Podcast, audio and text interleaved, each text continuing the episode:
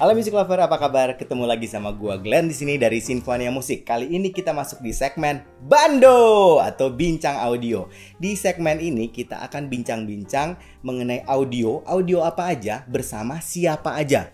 Bisa musisi, bisa sound engineering, bisa audiophile, bisa penggemar audio, siapa pun juga kita bisa ajak untuk ngobrol-ngobrol. Hari ini gua ditemani oleh teman gua Gali Homare. Nih, Hai. nah ngomong-ngomong Mr. Clover, ini guru gua juga loh. Dia ini pengelola di Bandung Academy of Sound Engineering, Engineering. di Bandung. Nah, gua kan sempat ngambil short course di sana. Nah, ini gurunya. Nah, anyway, kalau Music Lover suka dengan channel ini, like, comment, share, subscribe, dan ingat untuk nyalakan loncengnya. Oke, Music Lover. Mungkin Music Lover pengen tahu kan, latar belakang yang orang yang gue ajakin hari ini gimana sih? Siapa sih? Terus dia ngapain sih? Nah, Gali ini eh dia berlatar belakang di audio, terutama di pro audio ya, Li, ya. Pro audio, ya. ya, betul. Banyak bergerak di sound engineering, recording, uh, broadcasting maupun live performance Iya. ya. Nah, gue bisa tahu nggak sih sedikit latar belakang tentang lu le. Jadi uh, mungkin sertifikasi-sertifikasi yang lu pernah dapet, uh, sekolah yang lu pelajari, kemudian mungkin uh, lu pernah kolaborasi atau kerjasama sama siapa aja gitu yang gue pengen tahu. Eh, Sertifikasi mungkin. sertifikasi. Kebetulan punya kesempatan untuk ambil sertifikasi sebagai instruktur eh, yang berhubungan sama recording itu semua orang mungkin nggak semua orang lah, tapi sebagian Anak-anak audio orang lah tahu lah ya. tahu lah ya eh, brandnya itu Pro Tools. Terus Afid ya. Avid punya, Hmm. eh, gua sempat punya kesempatan ambil sertifikasi sebagai instruktur di Avid sebagai Oke. instruktur Pro Tools. Music lover sebagai instruktur bukan sebagai pengguna ya ingat sebagai instruktur ya ini penting digaris bawahi terus apalagi ini di catatan gue lu juga sempat ada di ini ada smart by Jamie Anderson itu katanya lu ngambil di Singapura lu bisa jelasin sedikit nggak tentang smart Oke, ini? smart. Seka, eh, mungkin buat teman-teman yang pernah apa ya eh, sedikit banyak berkecimpung di dunia sound system Mhm. Itu tahu bahwa sound system itu kan agak susah untuk bisa dibilang kita kita nggak bisa lihat suara gitu kan. Ya, kita ya. nggak bisa lihat suara jadi kita ber- berdiskusi ataupun sampai berdebat tentang suara tidak ada gambarannya tidak bisa dilihat gitu eh, versi saya dengan asumsi dan bahasa saya Mhm. dengan eh, Bung Glenn ngomong Hmm. dengan eh, mungkin kosakata background dan sebagainya Hmm. Tentang suara apa yang didengarkan yang sama-sama kita dengarkan Mhm. Mhm. Nah, software smart ini salah satu software Mhm. yang bisa menampilkan secara data dan grafik itu suara yang terjadi sekarang ini Hmm. yang kita dengerin itu eh, seperti apa secara data. Jadi kita bisa diskusi secara objektif, kita bisa ya lebih objektif aja lah. Oke, jadi suara bisa ada gambarnya istilahnya gitu ya iya.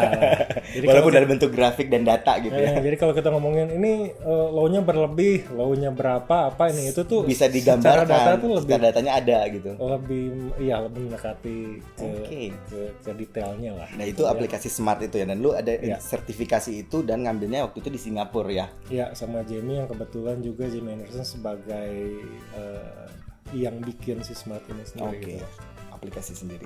Kemudian ada sound system design by Pat Brown Sinaukon. Synoutcon. Nah, Ya. di Filipina katanya di catatan gue nih. Ya, Synoutcon itu salah satu eh, lembaga pendidikan di bidang pro audio, khususnya lebih ke instalasi dan sekitarnya, Mhm. yang cukup mungkin salah satu yang tertua di di dunia yang saya tahu ya. Ya, gitu. ya.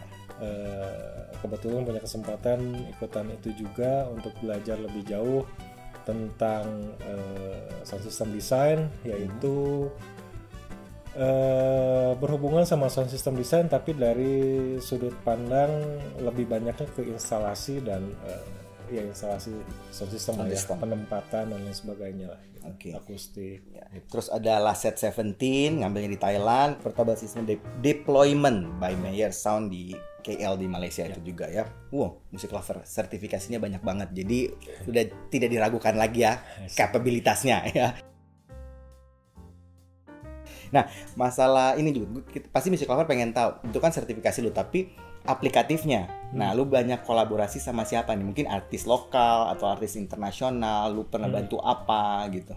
Nah, kebetulan pernah dipercaya untuk beberapa eh, artis dan band nasional seperti Iwan Fals pernah, Fals. eh, Glenn Fredly, Bukan Glenn, yang ini ya, beda, beda.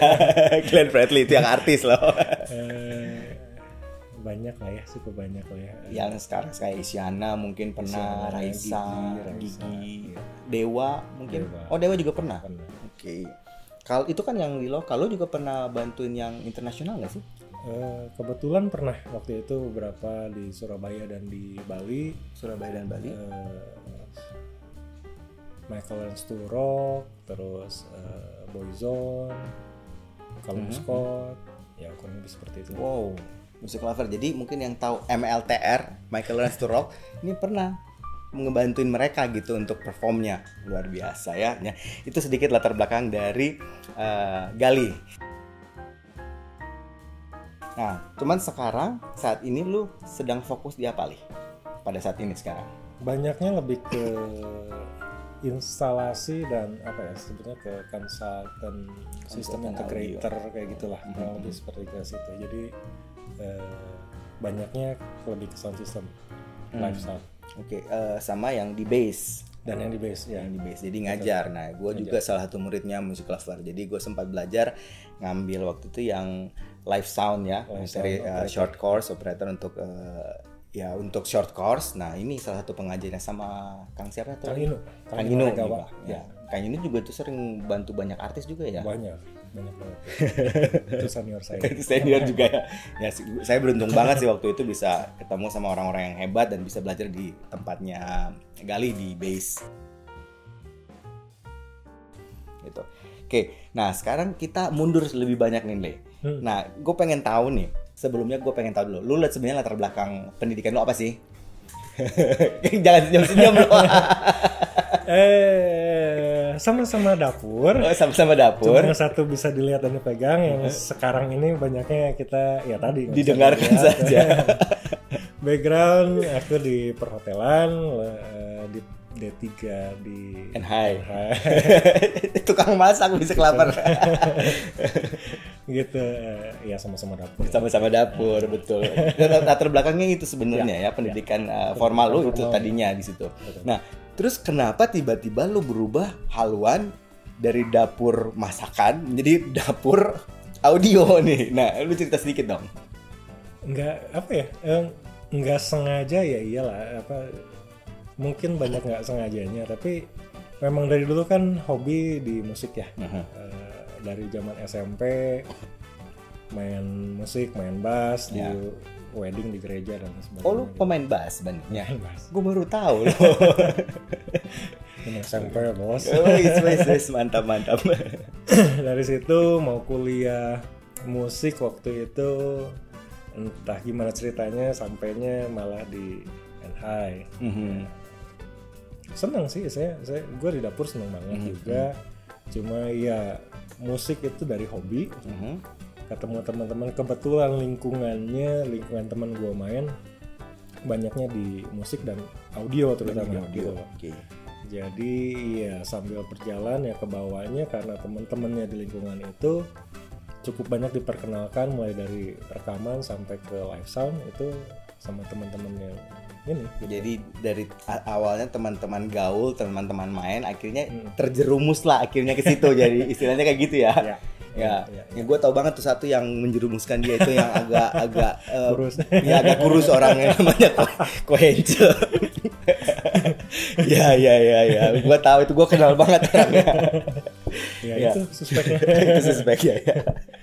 Nah, eh lu kan eh, itu yang menyebabkan lu akhirnya masuk di audio dan akhirnya terjun sampai benar-benar fokus dan jadi profesi utama lu sekarang itu ya. Nah, selama perjalanan lu dalam eh, dunia peraudioan ini apa hal-hal yang yang lu dapat yang menyenangkan? Mungkin suka dukanya lah. Suka dukanya?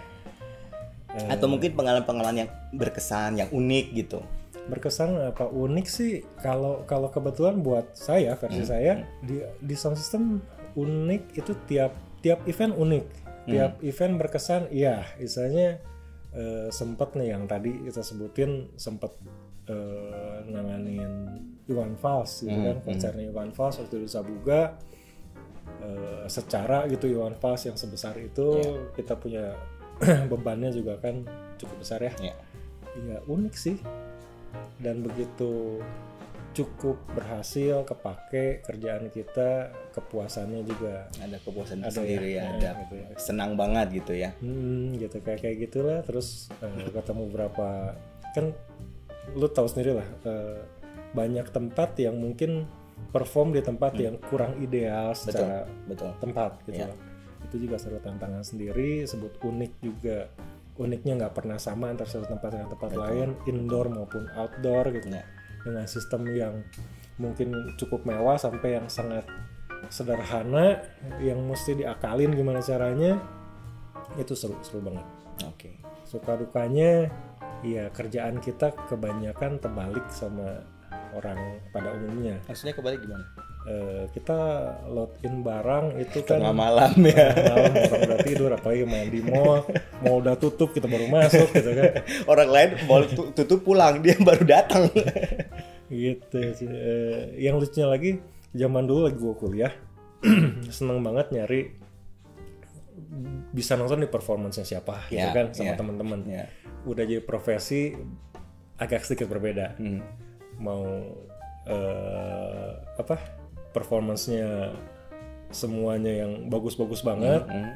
tapi pada praknya selesai kita kerja Mhm. udah keburu capek mendingan pulang Boro-boro ketemu sama artis apa segala macam udah lah pokoknya beres gue istirahat lah gitu ya. ya kadang ya kita kita juga bisa nikmatin lah untuk untuk pertama kali eh, mereka main pakai eh, apa yang coba udah kita setting oh seperti ini punya kepuasan sendiri udah gitu setengah jalan udah cukup. Pulang capek bos.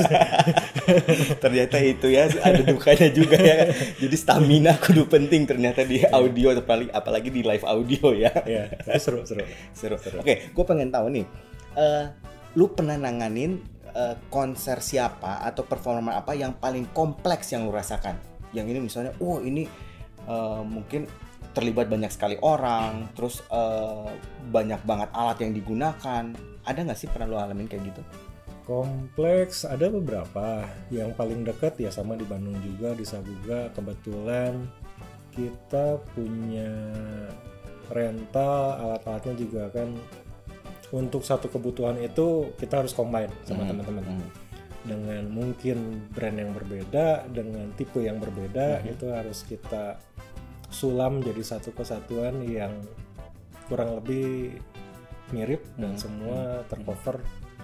Ya itu cukup kompleks sih biasanya. Hmm. yang ditambah eh, nanti tensinya jadi lebih tinggi itu biasanya semua waktu biasanya. Kalau kita punya Oh, waktu mepet waktunya. panjang Heeh. secapek-capeknya serumit-rumitnya eh, lebih tenang karena waktunya masih panjang. Tapi begitu udah waktunya eh, entah kepotong sama mungkin dekornya molor sedikit waktunya atau apa pun faktor X nya banyak lah ya. Kalau waktunya mepet itu yang bikin ngeri-ngeri sedap. Oke, jadi lumayan lah ya. Oke, nah sekarang gue mau agak sedikit ngulik nih ke eh, yang gua. Gua kan lebih banyak ke audio portable. Nah, gue mau sedikit tahu pendapat-pendapat lu tentang audio portable. ah, Tapi lu juga boleh jelasin mungkin di sudut pandang lu sebagai pro audio gitu ya. Nah, eh, biasanya yang gue tahu itu seorang sound engineering atau operator atau misalnya edit yang ngedit atau mixing, mastering segala macam itu biasanya butuh monitoring yang bagus. Ya. Nah, pandangan lu tentang itu bagaimana gitu? kebetulan kan gua di recording juga iya di live juga iya. Mungkin sudut pandang gua gini. Eh, monitoring itu penting terutama buat kita ngomongnya kita produksi kan ya orang yang produksi. kalau kita di di studio rekaman kita butuh sesuatu yang mewakili secara eh, detailnya itu dapat semuanya Mhm. tapi mewakili sebagian besar sound system yang ada gitu loh. Enggak apa ya, dia harus cukup flat dalam artian flat itu relatif juga, tapi eh, cukup bisa diterima oleh semua orang dan kita bisa menyesuaikan oh suara yang seperti ini itu yang eh, standarnya cukup bisa diterima. Nah, eh, apa pun brandnya yang buat gua entah itu speaker monitor studio maupun eh, Headphone. headphone, headset dan lain sebagainya, dia bisa apa ya ngeluarin apa Suaranya. frekuensinya gitu loh Mhm. Eh, cukup cukup baik gitu loh baik di suara yang eh, cukup rendah maksudnya sedang maupun dikencengin dia nggak lari gitu loh Oke. jadi kita mau dengerin pelan sedang kenceng sekalipun karakternya nggak nggak nggak nggak tiba-tiba Oh, berubah Oke, jadi itu ini juga pelajaran music lover ternyata untuk yang monitoring itu bukan cuma frekuensinya yang flat, tapi eh, dengan apa sih istilahnya kayak SPL mungkin ya. ya Ya kayak SPL rendah sampai tinggi dia tetap bunyinya tetap rata gitu ya. ya ya secara Oh. karakternya mau pelan sedang atau Keras.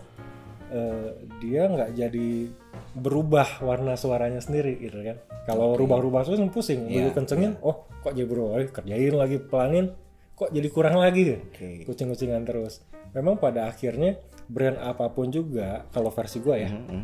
eh, bisa dipakai Mhm. karena semua orang pasti adjust adjust apa yang dia pakai terhadap hasilnya ntar dicoba di beberapa media eh, Outputnya. output lain Oh. gitu kan kita harus cobain begitu jadi nih gue harus cobain di mobil harus cobain di TV harus cobain itu kan nanti jadiin rata-rata gitu Hmm. tapi pada akhirnya apa pun yang kita pakai itu kan harus kita hafalin karakter apa yang Hmm. yang misalnya gue pakai ini nih Ada Technica M50X misalnya. gue harus cukup sa- sampai satu titik gue harus cukup hafal karakternya dia Bunyinya gitu. dia. Heeh. Terlepas nanti eksekusinya di luaran akan hasil seperti ini di, di sini itu sedikit berbeda tapi kan gue tahu gitu kan Tuningnya udah seperti apa? Oke. jangan sampai kata si A merek yang ini tipe yang ini bagus gue ganti lagi Uh, jadi beda preferensi lu beda-beda terus jadinya Eh, ya. sampai itu agak susah menurut gua agak susah untuk kita bisa ketemu gitu loh Oh. mendingan lu cari satu yang menurut lu lu suka deh Mhm.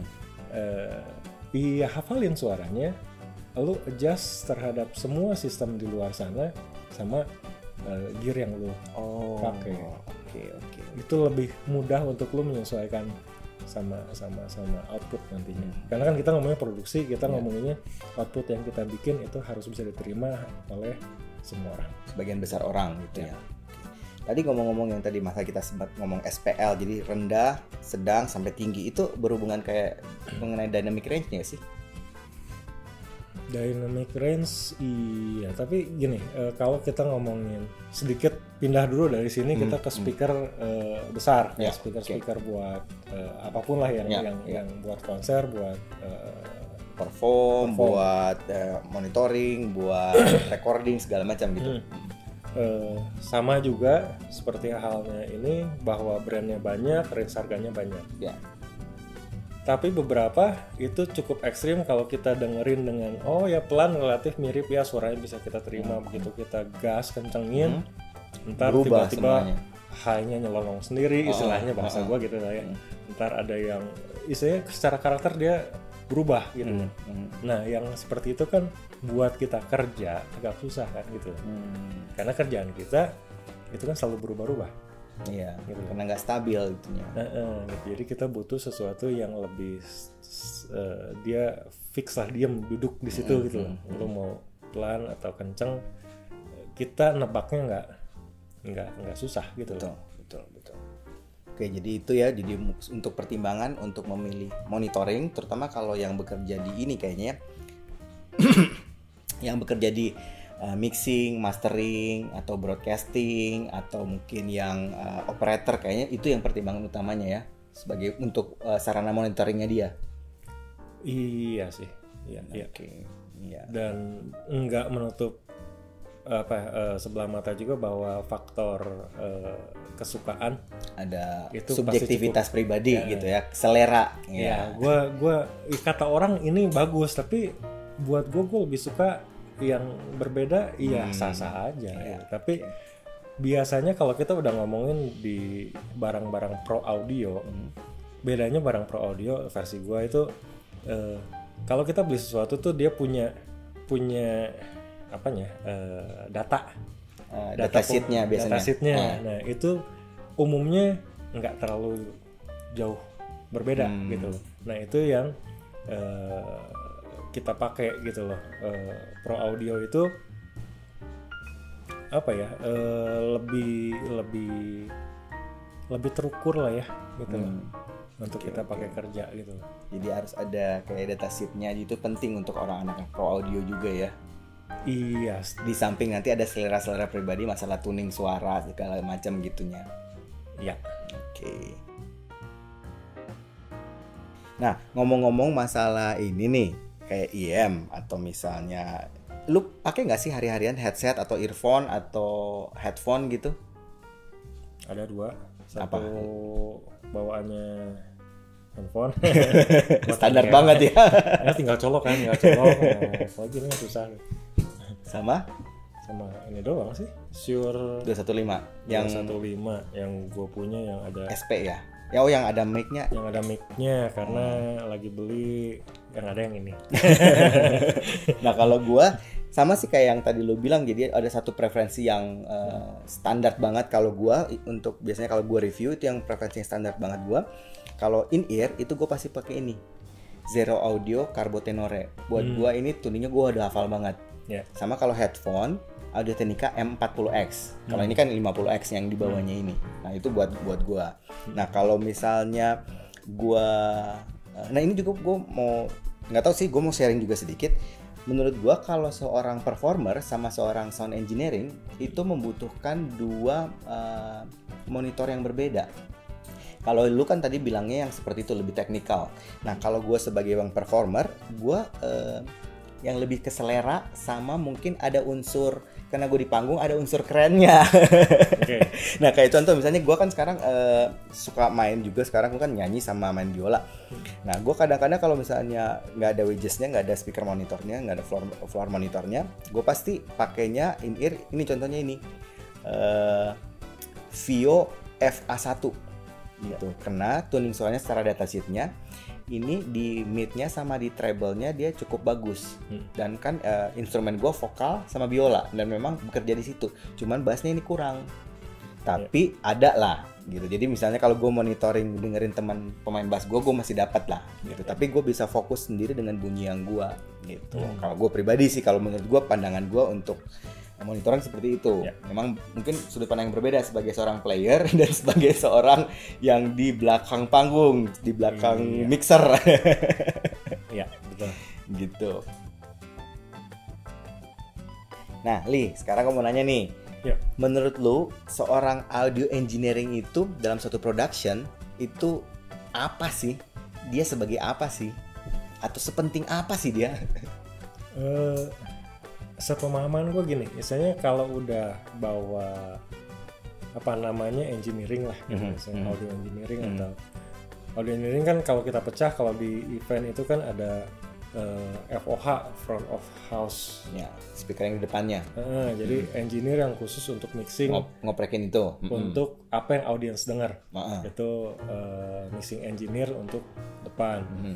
ada eh, monitor engineer. Mhm. Eh, ada kayak kayak gue masuknya istilahnya sistem engineer gitu. Sistem engineer. Tapi istilah engineer itu eh, ada karena dan penting kenapa? Karena suara itu kompleks ya. Jadi Mhm, mhm. kita harus mengerti da- eh, kita punya pengetahuan dasar-dasar tentang suara itu apa secara ya namanya engineering teknik gitu loh. Mhm. Nggak nggak nggak cuma eh, naikin turunin fader gitu aja Iya, gitu lah. iya. Ada- Cuma naikin volume turunin volume doang gitu Hmm, enggak, tapi ada, yang lebih keilmuannya ini. gitu Ya. di belakang itu dan itu penting kenapa karena sebuah pertunjukan yang udah cukup kompleks itu bidang ilmu yang yang yang ada di situ tuh jadi Hmm. banyak Eh, apalagi sekarang udah digital Iya. Eh, networking yang spesialis khusus untuk net- networking itu sekarang udah ada di audio gitu loh. Mhm, mhm. belum eh,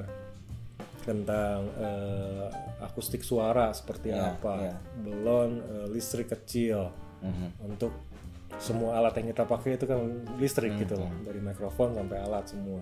Listrik besar untuk keseluruhan produksi Hmm, dan lain sebagainya.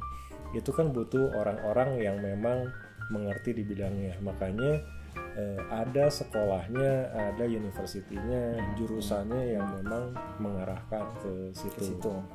gitu. Jadi eh, penting banget karena eh, yang paling utama itu faktor safety itu yang paling penting karena kita di situ berkumpul banyak orang. Ya. kedua memang yang kita pakai alatnya juga eh, butuh pengetahuan untuk kita bisa optimalkan dia. Gitu. Eh, belum lagi yang lain-lainnya gitu makanya Oke. penting banget untuk kita punya orang-orang eh, Yang mengatur itu semua. mengatur itu semua karena untuk satu orang itu semua kelihatannya nggak mungkin karena cukup kompleks Oke. Nah mungkin terakhir nih gue pengen tahu nih. Eh, nah ini kan eh, profesi sebagai audio engineer atau yang mengolah audio ini, ini kan sebenarnya profesi yang masih kurang begitu apa ya mungkin belum banyak peminatnya gitu di Indonesia terutama. Ya. Nah menurut lu ini bakalan penting nggak sih? Kemudian kalau seandainya penting, kalau orang-orang ada mungkin musik lover pengen tahu lebih lanjut, apa yang harus mereka lakukan gitu? Hmm, kalau Yang kayak contoh kayak lu berprofesi Hmm. sebagai uh, audio engineer ini uh, gimana prospeknya ke depan mungkin? Eh, menurut gua dan mungkin beberapa teman gua ke depannya harusnya cukup apa ya cukup terbuka ya Hmm, hmm. istilahnya kesempatannya ada lahannya juga cukup banyak sebetulnya yang membutuhkan dulu nggak populer karena ya memang hmm,